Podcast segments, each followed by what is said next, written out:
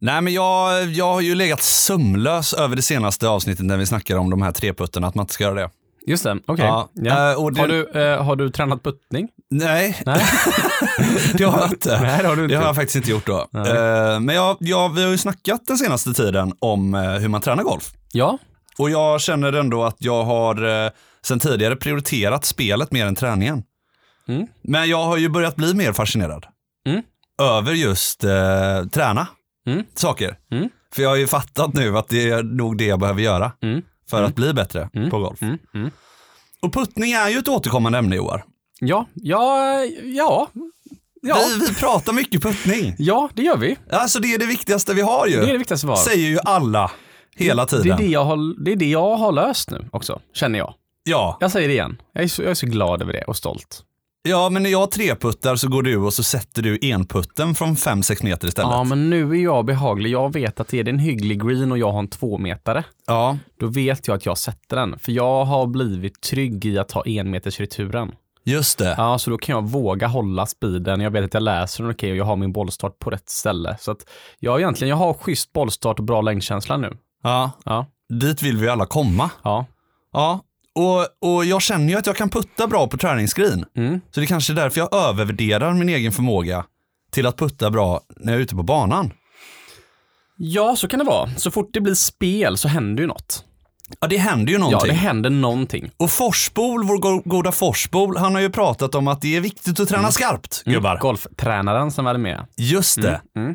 Ja, men du, du ska putta med en boll. Du ska känna liksom pressen Mm. Ja, som du har ja. ute på banan. Köper det, köper Eller hur? Men det är ju svårt att simulera press. Ja, Eller hur? det. var vi också inne och snackade lite med Lemke om ju. Hur simulerar man press? Ja. Ja, man, då, eh, det han sa att man har ju med sig verktyg. Ja, vad var det han hade för verktyg? Nej, men det finns massa eller? verktyg. Ja. Men, men du, ska, du ska ha med dig verktyg när du kommer in i pressen. För jag har ett verktyg. Du har ett verktyg? Ja. Nej, men jag var inne på Golf Digest igen. Mm. Ja. Golf Digest har jag alltid Digest, sagt. ja. Nej, nej, nej. Ja, You, you digest the food. ja, Alltså, digest är väl mags, äh, matsmältning? ja, ja. Så Ja, jag tror att det. eh, alla har alltid sagt Golf Digest. Men jag tror att det heter Golf Digest egentligen. Ja, Ja. ja. men det var den sidan i alla fall jag var inne på. Okej, ja. Nej, men alltså då var det en tränare där som, som hade skrivit en liten artikel. ja. Eh, han Okej. lät ju då sina studenter hoppa hopprep i 30 sekunder precis innan de puttar. Och detta då i syfte, i syfte för att öka pulsen. Och således att simulera pressen du har när du puttar på banan. Alltså jag köper det. Och jag blev så jävla bara, det är ju det här det handlar om. Jag köper det här rakt av. För då ökar du heartraten liksom. Ja, och det är också det att när du spelar på tävling, då är det, det är ingen tid att maska. Du går snabbt upp till green. Du har tidspress att göra det. Du har ofta en hög puls under en bra runda. Och adrenalinpåslag och alltså det är Ja. en rad olika fysiska faktorer. Samt endorfiner. Ja, ja det kan du också ha. Ja, men det- Eller skräck. Nej men det får man ju utav träning och höjd puls tror jag. Du får sådana mm. lyckohormoner i huvudet. Ja, det får du ju. ja, man får det av choklad, sex och träning tror jag. Ja, Ja, just det. ja. och det blir ju träning det här. Ja, men det blir det ju. Ja, ja. Nej, men alltså, så jag är ju helt såld på det här nu då. Mm. Eh, Jag har ju inte hunnit testa detta. Så, så du har varken puttränat eller testat övningen än? Nej. men, men du är helt såld på det? Ja, men alltså detta borde ju rimligtvis vara, Mm. eh, alltså parallellen här det ju, till fotbollen då, det är ju matchförberedande träning. Mm. Jag tror att, eh, jag tror fasen att jag ska gå och köpa mig ett hopprep och testa det här. Jag tror det här kan hjälpa mig mm. jättemycket. Vill du vara riktigt hardcore så ska du köra som de gör i Thailand på de här eh, uh, Mai Tai-lägren. Då ska du bara klippa av en vattenslang och köra barfota. Oh, ja, hopprepet? Ja, om du, om du kommer fel i tajmingen så drar du ju en, en stor tånagel. Ja. Då har du extra, extra press liksom. Att, eh,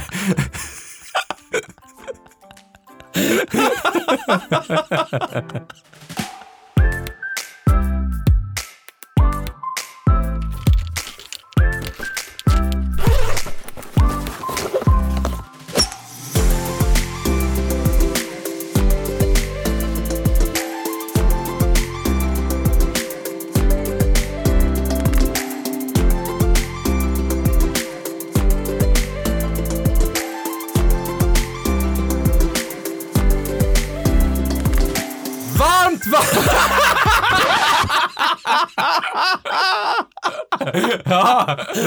Fan, du tog den! Ja. ja. vad sjukt om jag sa varmt välkomna Kan inte du gång. testa det då?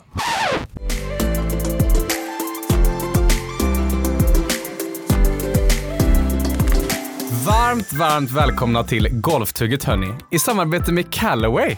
Ännu en Åh. vecka. Åh, Mm. Callaway. Callaway. Vi sitter i fredags rustika lokaler på Sockerbruket i Göteborg och mitt emot mig har jag min vapendragare, antites och vetgiriga vän Filip Norén. Yes! Mm. Du, är en, du är en återkommande gäst får man ändå säga. Ja, det, det, det måste man ändå säga att Hur det är. är dagsformen? Nej men det känns bra faktiskt. Ja. Eh, det är lite roligt att vi har bytt sida här idag. Nej, du, får ta, du, du, får, du får ta tillbaka det här. Ja, jag tror det. Gud vad fuckat Hur, hur tycker du jag skötte mig då? Nej men det gick, eh, jag tyckte ändå att det gick bra. Mm, det gick bra. Ja. Det var, var roligt att, eh, att du fick köra lite eh, intro ju. Mm, och välkomna allt. Vad, vad kände du om att bjuda in alla i värmen? Jo men det var ju fantastiskt ju. Ja, ja. Nej, jag tycker också att det är en Ja. väldigt god grej. Du, eh, innan vi går vidare så har vi dagens Bullebärs och den presenteras i vanlig ordning av Bryggmästarens alkoholfria. Mm. Det är, Den är eh, också bra året runt. Ja, det är den ju. Mm. Det är väldigt sällan man plockar bort den. Nej men Från den- fredagarna. Verkligen, den är, den är trevlig alltså. Det, är Det tycker kul. jag. Det är kul. Glasflaska. Och du har ju med dig en, eh, en gammal going. Ja, gamla skolan har med sig igen här nu du och fiddler. Oh. In och, in och plocka de här handsydda, handgjorda läderdojorna för livet här nu innan de tar slut säger jag. Mm. Mm. Det är eh, väldigt fina skor. Jag är supernöjd med mina hittills också. Jag har inte varit ute och spelat med dem Nej, än. men det är en, eh, det är en, det är en liksom, eh, i, i, i dagens valuta, det är ett prisvärt, det är prisvärda skor för hur mycket du får. Ja. Alltså det, det, det, är, fakt- det är faktiskt det. Och det är lite som champagne nästan, för de tillverkas i en liten, liten, liten upplaga i Spanien. Faktiskt. Så att, eh, nej, jag är, är mycket stolt. Tack till Fiddler. In, in på Leicester på Vallgatan i Göteborg eller in på fiddlergolf.com nu och, och spana. Spana, spana, spana, spana. Och skriv golftugget så får ni med fina skoblock i cederträ det är kanon är det. Det är kanon. Det är kanon. Absolut. Vi har ju en lyssnarfråga idag i vanlig ordning. Ja, det har vi. Ehm, Jag vill också bara nämna nu att det här är ju faktiskt eh, ny säsong. Alltså det är ju säsong fyra avsnitt ett nu. Ja. Ja, den passar ganska bra att vi går in i vin- på höstkanten. ja, men det gör det absolut. Vinterkanten. Och det kommer inte vara någon eh, skillnad. Jag hade tänkt att det skulle vara mycket mer skillnad än det blev. Men Ja. det ska ju upp i svårighetsgrad sakta men säkert. Ja. Så att, eh, jag vill bara säga det också, lyssna från avsnitt ett och fram. Ja. Så man, eh, till alla nya som kommer in. ja, men verkligen. Ni kanske kan ta med er någonting. Men jag blev lite inspirerad av din eh, fotbollsreferens. Ja, kul. Eh, så att eh, jag har letat upp en lyssnarfråga faktiskt från Kristoffer Tenroth. ja. Så jag ville bara, för du är ju fotbollsnörd. Ja. Ja, du, du, men du älskar fotboll. Ja, Ja. verkligen. Ja. Så jag tyckte den här var lite rolig att ställa till dig. Då, eller Kristoffer Ja, ställer den till dig då. kul. Ja. Då skriver Kristoffer Kristoffer Tenroth.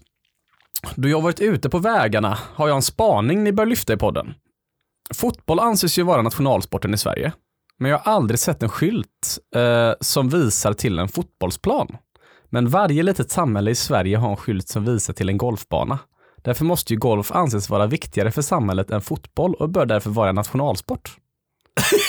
Tankar på det? Vilken härlig, vilken härlig grej, vilket påstående. Det är sant, det är typ Ehm. så här när det är såna här eh, runskrift-grejer, den här eh, tecknet, Ja, va? de bruna skyltarna. Du har flygplatser, sjukhus och golfbanor. Precis. Det är liksom alltid viktiga för varje samhälle finns Ja, ju. till och med mc-klubbar och sånt har ju sin, liksom, sin logga på och så in höger. Men Men jag, tyck, jag tycker att, eh, Nej, alltså Trafikverket har inga mc-klubbsskyltar. jo, det har de faktiskt ute i, det har de faktiskt. Nej, det måste nog vara en egen skylt. Ja, det, kan, det är antagligen en egen skylt de har satt Ja. upp då ju. Ja, Fast det ser ut som en sån trafikverksskylt. ja okej. Ja, okej. Ja, Jag ja, vet ju inte hur farlig den här mc-klubben är, så jag vet inte om jag vågar namedroppa dem bort. Nej, exakt. Är det, då, det finns en klubb som... som jag känner till. Men i alla fall, eh, jag tänker att eh, fotbollsplaner är ju mer tillgängliga kanske. Och därav skyltarna. Alltså om du tänker att, att Vadå, mer tillgängliga? nej, men alltså, golfbanorna ligger ju ute i Fotbollsklubben, hur skogarna. ofta, okej, hur många dagar om året kan du åka till fotbollsarenan? Och hända någonting? Det, alltså golfklubben är väl fruktansvärt mycket mer tillgänglig. Nej, alltså jag tänker ute i, alltså när du ska hitta till den. Jag menar att, att skyltens betydelse är ju att du ska hitta till, Aha. till bokskogen. Ja, just det. Ja, Medan golf, alla vet ju var Torslandavallen ligger. Mm. Du vet. Men det kan vara lite snårigt att hitta till Torslanda GK. Okej. Mm. Ja. Men jag håller helt och hållet med om att det kanske borde ändra nationalsport. Mm, det är så. Ja, Mm. Det är ju fint med golf. Jag köper det. Det når i alla åldrar, det når i alla kön och svårighetsgrader och det är, golf är fantastiskt där. Ja, ja, Ja. verkligen. Eh, så intressant spaning. Mm. Den tar vi med oss. Den tar vi med oss tycker jag. Kul. Tack för bra inskick. Verkligen. Ja, fortsätt skicka in era lyssnarfrågor. Och jag har ju varit lite intresserad av att fatta hur funkar det att göra custom fittings på den gamla goa tiden? Och vi ska snart gå in i det. Just det. Och det ska bli jäkligt kul att höra dina tankar och idéer på detta. Ja, det här blir, det här blir grejer. Så jag tycker att vi gör det nu.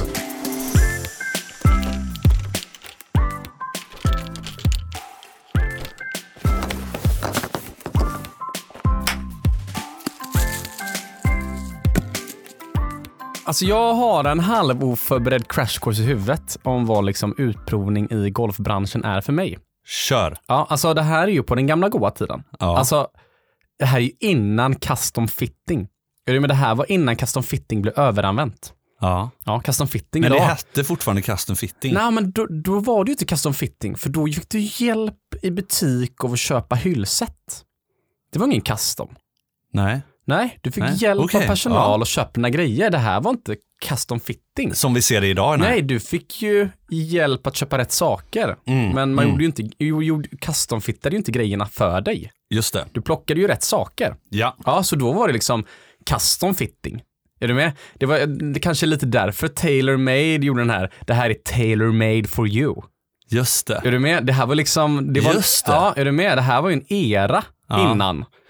Så på den gamla goa tiden, då var, då hade man liksom kanske, jag kommer ihåg Ping-hemsidan kom ganska snabbt. Ja, man kunde fylla i sina värden och få någon live. va. Mitsuno hade en, eh, en, eh, en järnsjua med ett grafitskaft med en puck på. Ja. Där man stod och slog. Och det Ja. sjuka att den finns ju kvar idag. Det gör Men den. Den är 20 år gammal, lätt. Den var före sin tid. Men alltså, då, du vet, när, när jag vä- väl började på innesvingen, då, då, det enda vi hade då, det var en, en svinghastighetspuck. det var en, en puck som Ja. ett smörpaket som Ja. du la bakom och svingade så fick du reda på hastigheten. Okej. Men det, det var inte heller standardiserat för de alla olika märkena vad ett stiftskaft var.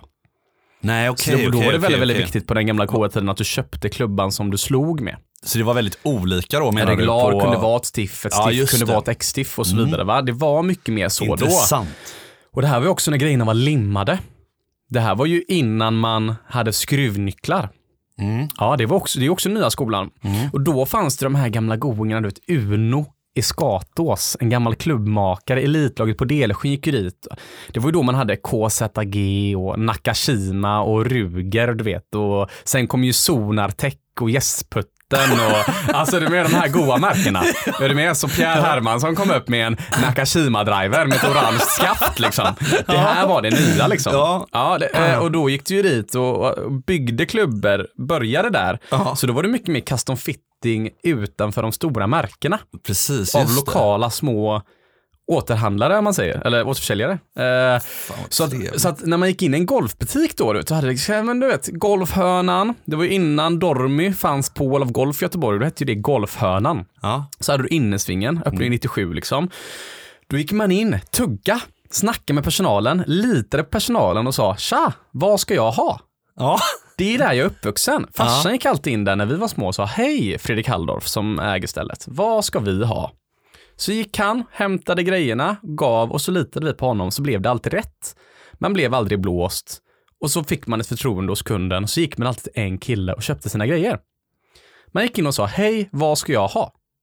Det är Ja. häftigt. Och det var så, och det var så jag blev skolad, för jag började jobba på Innesvingen sen. Mm. 2006 måste det ha varit, för jag var 14 år. Det är samma år som jobba de eh, föddes ju. De här juni- goa juniorerna. Exakt, då började jag jobba där. Ehm, och jag skulle tro att sen var man där ehm, och Trackman då, Trackman kom ju 2001 tror jag. Ja. Men den var ju inte heller i alla butiker 2001. Var det en exklusiv, det måste varit jäkligt Ja, den var exklusivt då. superdyr, den var Ja. ny och menar om den kommer lanseras i USA eller vad det nu är 2001, den är ju inte på, eh, på insvingen eh, en månad senare. Det tar Nej. ju ett par år innan den etableras. Jo, jo, såklart. Jag tror att det var en militärradar som mätte stridsspetsar Ja. från början va. Och Trackman 1, när vi först fick den, kommer jag ihåg, till butiken. Alltså den var så långsam. Det är 2D. Det är bara en vy ovanifrån. ja. Och alltså vad hade du för iPads då? Är du med? Alltså, det Aha, var... Du hade ju knappt Nej, det. men menar Eller du det. hade ju inte det. Nej, jag det menar, var ju din gamla ja, databurk. jag menar bara alltså- att alltså, när du slog så lät det. Och sen så gick bollen som en orm i 2D. Så Ja. tog det 20 sekunder tills du fick värdena på slaget. Oh. Alltså det var ingen maskin som var användarvänlig och lätt. Nej, det var många timmar du fick spendera ja, ja, det var det. Alltså den gick som en orm med 2D, så alltså, det var ju svårt att använda Trackman då. Ja, just att, men det var när Trackman kom som man först lärde sig var att, att skillnaden på svingspår och face to path och allt vad det var. För innan Trackman kom, all eh, litteratur inom golfvärlden, du vet eh, Mac och Malo och du vet alla alltså all teori som alla har läst, då trodde man ju att svingspåret avgjorde bollstart. Ja. Som du är inifrån och ut som högerspelare, mm. då trodde man att det påverkar vart bollen startar. Men när Trackman kom så fick man datan och såg att det är bara klubbans riktning som avgör bollstart och svingspåret påverkar inte det. Svingspåret avgör skruv och, klubba, och klubbhuvudets riktning avgör starten. Det visste man inte innan Trackman kom. Det är... eh, Så det satte teorin på ända. Eh, och då jobbade vi lite i Foresight GC1 och Trackman 1 och efter detta, då började ju folk sluta lite i att komma in och lita på personal. Ja, för då vill du lita på, på Trackman istället. Exakt, så då var personalen tvungen att lära sig Trackman för att få en förtroende hos kunderna. Ja, precis. Ja, och då började det här eh, skryteriet om nyckeltalen. Ja. Och det är så fruktansvärt överanvänt. Folk som egentligen inte är så himla duktiga på golf eller kanske inte har så lång eh, erfarenhet av eh, vissa trackman-utprovningar som ska slänga sig med varenda trackman-term. Ja. Ja, och jag gillar inte det så mycket. Jag är väldigt mycket, ute efter den här KISS-modellen. Vad hette den sa du? KISS-modellen. Kiss-modellen? Ah, keep it simple stupid. Aha! Ah, är du med? Ja. Det här ska vi prata mer om tycker jag i Ja. ett Trackman-avsnitt kanske. Du vet, gå Ja. igenom de här basala grejerna. Ja. Jag tycker att du ska kolla liksom, eh, men du vet, uh, attack angle kanske, hur bollen, hur klubban går ner på bollen, Eh, smash, vad det har för bollträff liksom och spin, du vet, alltså men du vet, carry. Alltså väldigt, väldigt enkelt. Man behöver liksom inte gå in och kika apex och landing angle när du testar en järnsex. Nej, alltså men, menar du, eller tror du att eh, om, så här då, om du hade satt eh, den, en, en väldigt bra fitter eh, innan Trackman eh, kontra en väldigt bra fitter med Trackman, tror du att de hade fått typ samma resultat? Nej, nej, alltså så här är det. När jag började jobba i golfbutik, Ja. då så var det så här. Då var det innan Trackman liksom. Man verkligen skolades in. Och man Mm. fick se de duktiga, riktiga proffsen var innan detta. Då var det så här, då träffar man en kund. Så sa man så här, hej, eh, hur gammal är du? Vad har du i handikapp? Hur länge har du spelat golf? Hur långt slår du en järnsju? Hur långt slår du en driver? Ja. Fick man de enkla svaren på fem frågor, om man hade en kund framför sig, man såg personen, man fick en känsla för personen, då visste du exakt vad personen skulle ha. Du kände hur klädstilen matchade vilka märken personen gillar. Du såg, eh, du kände att om järnsjuan går långt och driven går kort, då går man mycket ner på bollen. Mm. Är någon lång, alltså du, du vet Ja, exakt. ja, ja, Då visst, kunde man se de det. här ska ha SIF i stålskaft, inte för svåra huvuden. Eh, du vet, ehm, du har inte hastighet för järnfyra, vi kastar in en hybrid istället. Alltså, du visste redan vad folk skulle ha innan man ens gick och ställde sig och slog. Så du plockade ut det som var rätt, så funkar det, sen gick kunden ut. Så det här blev ett, ett väldigt långt extra steg med Trackman, som i många fall jag tycker kan vara onödigt när man kommer från den gamla skolan. Sen har Ja. jag en väldig respekt för det, jag har till och med PGA-poäng i Trackman-utbildningar. Och jag har nördat ner mig i, i jättemånga år i detta. Men många, jag, jag, jag, jag skojar lite om det, alltså många vill liksom byta tändstift på bilen trots att du har en punka liksom. Är du med? Börja i rätt ända. Ja, börja ja. i rätt ända. Ja, ja, visst, Eh, visst, visst. Och, och, och, för jag, jag sprang på någon podd eh, också som jag tyckte var så himla kul va, för att knyta ihop säcken i det här ämnet. Det var någon tränare som var eh, eh, någonstans, jag kommer inte ihåg vad det här var, men det här var intressant. Han sa att så här, Adam Scott filmar inte sin sving längre. Okej. Nej, och eh, Chander eh, Schaufele, eller vad han nu heter, Xander Schaufele, ja. han hade förbud att filma sin sving av sin pappa när han växte upp. Okej, Ja. för att det skulle påverka honom Ja då? men för grejen var så här, för den här tränaren då, han, säger att han var född 67 eller någonting. Ja, Han är uppvuxen med sina vänner och gick runt och lekte på golfklubben ja. och kände, nu ska vi känna in skruvarna, slå och du vet, du har aldrig sett din sving filmad i hela ditt liv. Nej. Du har bara gått efter en känsla. Mm. Så han berättade att första gången man stod med en jäkla stor VHS-kamera och filmade svingarna, då fick man en chock. Alltså det här det. överensstämde inte med verkligheten. Och det finns alltså tourproffs idag som är lite äldre, om man säger, eller äldre, men du vet, som växte upp utan kamera, som hade förbud att filma sina svingar för att känslan inte överensstämde med verkligheten. Och det är intressant, det, det där är också en, en skillnad. Idag står du ju och kör P1, P2, P3, positioner, grejer, grader, vinklar, hastigheter, träffar, data, trackman, optimisering, landing angle, AP, alltså you name it innan. Du ska ha den här bollen till det hålet. Ja. Jag tycker det har blivit lite du, menar för... att, du menar att man problematiserar det för mycket lite? Ja, det gör Ja. man. Det gör man. Det gör man. Jag vill kunna ta mig dit. Alltså, när jag väl har blivit riktigt bra, när jag kände att jag blev bra på golf. Ja. Det som jag kände att gjorde mig till en bra golfare, det var när jag gick ut i Spanien med ett eh, gammalt sketet lånesätt med seniorklubbor och sköt ett över par. Med typ en spaldingboll. ja. Är du med? Alltså man kan, det är gamla skolan, du anpassar dig till det du har i handen och du har lekfullheten. ja. Ja, Det är... Eh, det har försvunnit. ja, det är en spaning. Ja, Det är har blivit spaning. mer mekaniskt Ja. och det har blivit mer sifferbaserat. Men det är ju också, om jag ska liksom förlänga det lite, det är ju också för att, eh, för att det funkar.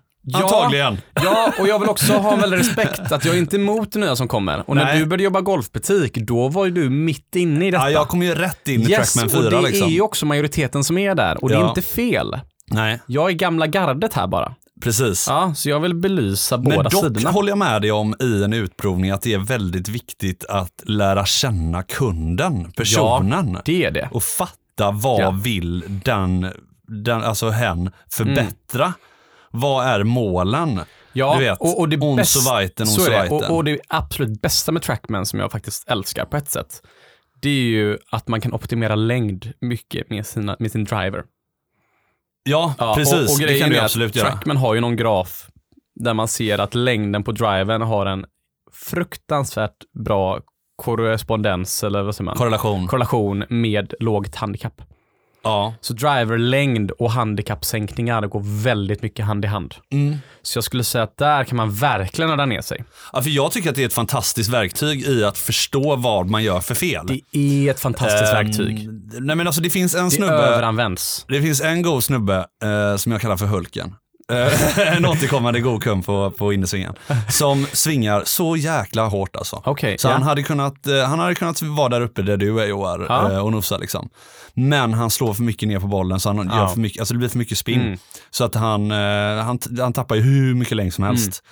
Mm. Eh, det kunde man ju förstå innan också, men du kan Mm. jobba med det på ett annat sätt när du får värden, värdena på, på menar, här har du värdena. Så är det. Har man, en, har man en skicklig, härlig säljare som tar emot en kund i en Trackman-studio idag, då blir det ju en upplevelse. Då blir det ju en swinganalys Precis. i samma veva. Och det tycker jag nästan är trevligare, att göra mer swinganalys än faktiskt fitting bara. Ja, men där ska typ de som gör, gjorde fitting som är i, i min nivå på golfen akta sig rätt mycket. För att gå in och ändra i folks svingar. För Verkligen. där är inte Nej. jag med nej, nej. väldigt många andra. Man kan pinpointa fakta. Ja, exakt. Du kan peka Ja. på siffrorna. Ja. Men jag tror att man ska vara väldigt försiktig med att gå in och förändra någon Du eh, när rätt. du inte själv har kunnandet bakom. Du har helt rätt. Mm. Eh, också med väldigt stor respekt mot eh, alla PGA-tränare där ute. Du har helt rätt. Ja. För, för jag tänker, jag tycker att jag har ju många vänner som börjar spela golf eh, och vi har även fått in många lyssnarfrågor. Vi kanske borde beta av det här lite mer exakt och, och köra trackman-avsnitt där vi går igenom de här mer Verkligen, detalj. Men, verkligen. men poängen är att många undrar när ska jag byta set? Ja, Ja, och jag tycker att många säger, ja, jag hade som mål när jag kommer till 18 ska jag byta, du vet. Eller när jag kommer ner ska jag byta. Och när ska jag byta? Jag har, nu har jag haft det här sättet sedan jag hade 18, nu är jag 11. ja. Jag tycker det kan väldigt sällan finnas en nackdel i att ha kvar ditt set väldigt länge. Nej, det är ju den tråkiga, det tråkiga svaret. Ja, det är det tråkiga svaret. För ju längre du håller på det, Ja, ju, ju bättre blir ju nästa ja men så är det ju. också. Eh, och, och man lär sig också, jag kan tycka att det finns någonting bra i att spela med felaktiga saker för att bli mer finurlig på Ja, banan. ja, Du vet, har du ingen gap wedge, då lär du dig greppa ner din pitch. just det. Lite Precis. grejen. Har Ja, du visst. ingen lob wedge, då lär du dig att lobba med sandwedgen. Exakt. Ja, och har du ingen hybrid, då lär du dig att puncha din järnfyra hårt. Ja, Så att det, det, det skapar nya slag i bagen att inte ha en komplett uppsättning. Sen får man ju ta mig med en nypa salt. Men det här är ju gamla skolan. Du skulle sett bägarna man hade som kunderna kom in med på den gamla goda Ja. tiden. Det, alltså, det var helt sjukt. det, var, det var drive, spoon, järntvå till pitch, Ja. lobwedge, sandwedge. Var det? Det är... Det eh, var det. Det, ja, det, Det ja, var det, ja, då. Ja. Man kom in och körde det. Det var järntvå. Mm. Idag har man kommit på att om inte du landar din järnfem över 180 typ, då ska inte du ha en järnfyra. Så var det inte då. Du körde järntvå till lobb liksom. ja, det är otroligt. Det var en Ja. helt annan grej. Det var Det fanns inga hybrider. Nej, och det är ju inte rätt. Nej. Nej. Men, det men jag, jag förstår ändå att du är kvar i det gamla tänket lite. Men du, jag kommer att tänka på en sak. Varför, du vet det finns ju, eh, du du kan ju, du kan ju lisa en, eh, en, en badtunna. Och du kan lisa en eh, Kan man nu kanske? bilar. Ja, Och du kan, du vet, Kan du man kan ju lisa en lisa allting. Du kan ja? lisa en badtunna. ja okej. Ja. Varför kan man inte lisa golfklubbor? Alltså ponera då, här har jag en affärsidé till er där ute hörni om någon orkar hogga tag i denna. Nej men alltså ponera då att du, du kanske spelar 10 runder golf om året. Och du vet inte vad du ska ha eller du vill ha de nyaste grejerna och hit och hit och, hit och dit va. Men då kanske det kunde vara gott om du kunde lisa årets grejer varje år. Eller hur? ja, det är sant. Det kan man ju på sätt och vis genom att man kan hyra, exempelvis om du åker ner till Spanien så kan du hyra på, på så kan du hyra golfklubbor likt skidor typ. Men, men tänk om du hade en leasing, det kanske redan finns det här. Men jag menar att, att eh, det hade varit en grej tror jag. Ja, kanske. Jag vill dock säga att ditt sätt är så himla personligt ju. Ja, så är det ju. Dock, och sen vill inte Då- man heller lägga pengar på omgreppningar och kompletteringar till sätten. Nej, det kanske, är om en du leasar skitdålig, dem. det kanske är en skitdålig affärsidé. Jag ser den inte. Nej, du har den inte Jag där. ser inte Nej, heller den leasade badtunnan riktigt. Nej, det kanske inte var någon höjda pitch heller. men men jag, jag, köper, jag köper det här med att, att just återkomma då till, till just custom fitting Mm. och den gamla skolan. Jag håller med. Uh, Jag, jag håller med dig att, att, eh, att man kunde bli lite mer eh, liksom basic i många Mm. fall. Eh, dock så det, det var väldigt många som kom in och frågade så här, ah, men jag har 25 i handikapp, eh, det är ingen idé att jag gör en fitting. Nej. Men, men jag tyckte faktiskt att det var det. Mm. För att i vissa fall så, så kunde det vara, alltså, höjd kunde vara en väldigt viktig grej Mm. som man behöver hjälp med. Eh, och sådana saker kan du rätt lätt påverka med hjälp av olika loft och olika skaft. Och, Så är det. Så det, att, det är, ehm, så är det verkligen. Och eh, jag skulle säga att det enda jag är trött på är att folk går in nu liksom har 13 handikapp och ska särskilja på ett eh, KBS Torstiff och ett eh, PX55 eller Ja, 60, exakt, jo. ett DG S300 eller ett Nippon NS Pro, du vet. Mm. Eh, Alltså, du, tar samma typ av skaft, mm, fem olika modeller, Ja. sen ska det särskiljas. ja. Nej, det är ju samma skaft. Ja. Eh, nu, eh, nu säger Jag alltså, måste bara slå dig på näsan lite. Ja, Det är eh, lite roligt för att du satt i What's in the bag så lät du så jävla nördig. Alltså. Ja, men jag, jag vet att jag inte alltid gör allt rätt. Nej. Jag önskar att jag inte var så nördig kanske för mitt eget bästa. Ja, Nej, eh, gör jag. men, eh, men det är, ja, det är Men intressant. poängen är så här, jag tänker så här. Vi, det här är en bra start så man förstår vart golfen har tagit sig idag. Just det. Sen så ska vi som vi sagt innan, saker ska upp i svårighetsgrad. Vi kommer säkert beta av Trackman i 2-3. Ja, Förhoppningsvis kan vi köra igenom alla termer i ett bra avsnitt. ja. Sen på det kan vi ta med med Rosberg kanske. Jag vill ha Diskutera med hur man en, optimerar, optimerar längd i driver. Mattias Jelver heter han väl också? ja just det. Torbus Mattias. PGA. Han är ju kung. Jag var faktiskt inne och kollade. Han kör ju live ibland, eh, sån live Q&A med någon annan gubbe på Instagram. Ja, alltså vi hade ju, det var ju kunder på innesvingen som åkte ner till honom Mm. och körde med honom en dag liksom. Mm. Du vet, tog med ett hotell en natt och tog ledigt från jobbet. Och, Jaha, men han är ju inne, han är ju liksom inne på den nivån där du liksom, du mäter, eh, alltså, ja men du, det är en helt ny grej ju. Liksom. Lägg in ett gram i tån i klubbhuvudet kan ju han göra till toproffsen. Jag Ja. tror han har sådär, fixat Rory driver innan han går ut och vinner tävlingar och sådär. Alltså Torbus-gubbe ju. Ja, Mattias, vi vill ha med dig. Mm, ja, vi vill prata med dig om detta. Välkommen, vi har inte skrivit till det än, vi får Nej, göra det. Ja. Otroligt. Mm. Eh, ja, det har varit superkul att ni har varit med och lyssnat idag hörni. Mm. Och vi kände att det här kunde varit en liten rolig introduktion till att fatta hur, vad, vad, är bakom? Ja, nu är vi inne i hösten här. Ja, Ja, och eh, ja, jag tar verkligen med mig det här Joar. Ja. Du snackade om också med att eh, kanske problematisera lite mindre eller, Mm. eller se bortom Ja. trackman-faktan. Mm. Se människan. Ja se människa. Du är väldigt bra på det. Tack. Mm. Fin feedback. Men du har ju din... Eh, Beteendevetarbakgrund. exakt. Ja. Ja. Så och din allting är eh, inlärt. virtuosa trummisbakgrund också. Jag var ett svin innan den utbildningen. Det var bara data. ja, exakt. Inga exakt. människor. Nej men eh, som sagt, hoppas ni kommer få en fantastisk helg där ute i eh, stugorna och Mm. att ni skickar i er en och annan eh, Bryggmästarens alkoholfria. Mm. Och eh, går in på fiddlergolf.com, skaffar era nya fiddlerdojor. Ja. Och, Och, sen eh, eh, testa alla Calabares nyheter. Ja, precis. Ja. Så ha en eh, fantastisk helg eh, hörni. Tack hörni. Tack ska ni ha. Hej.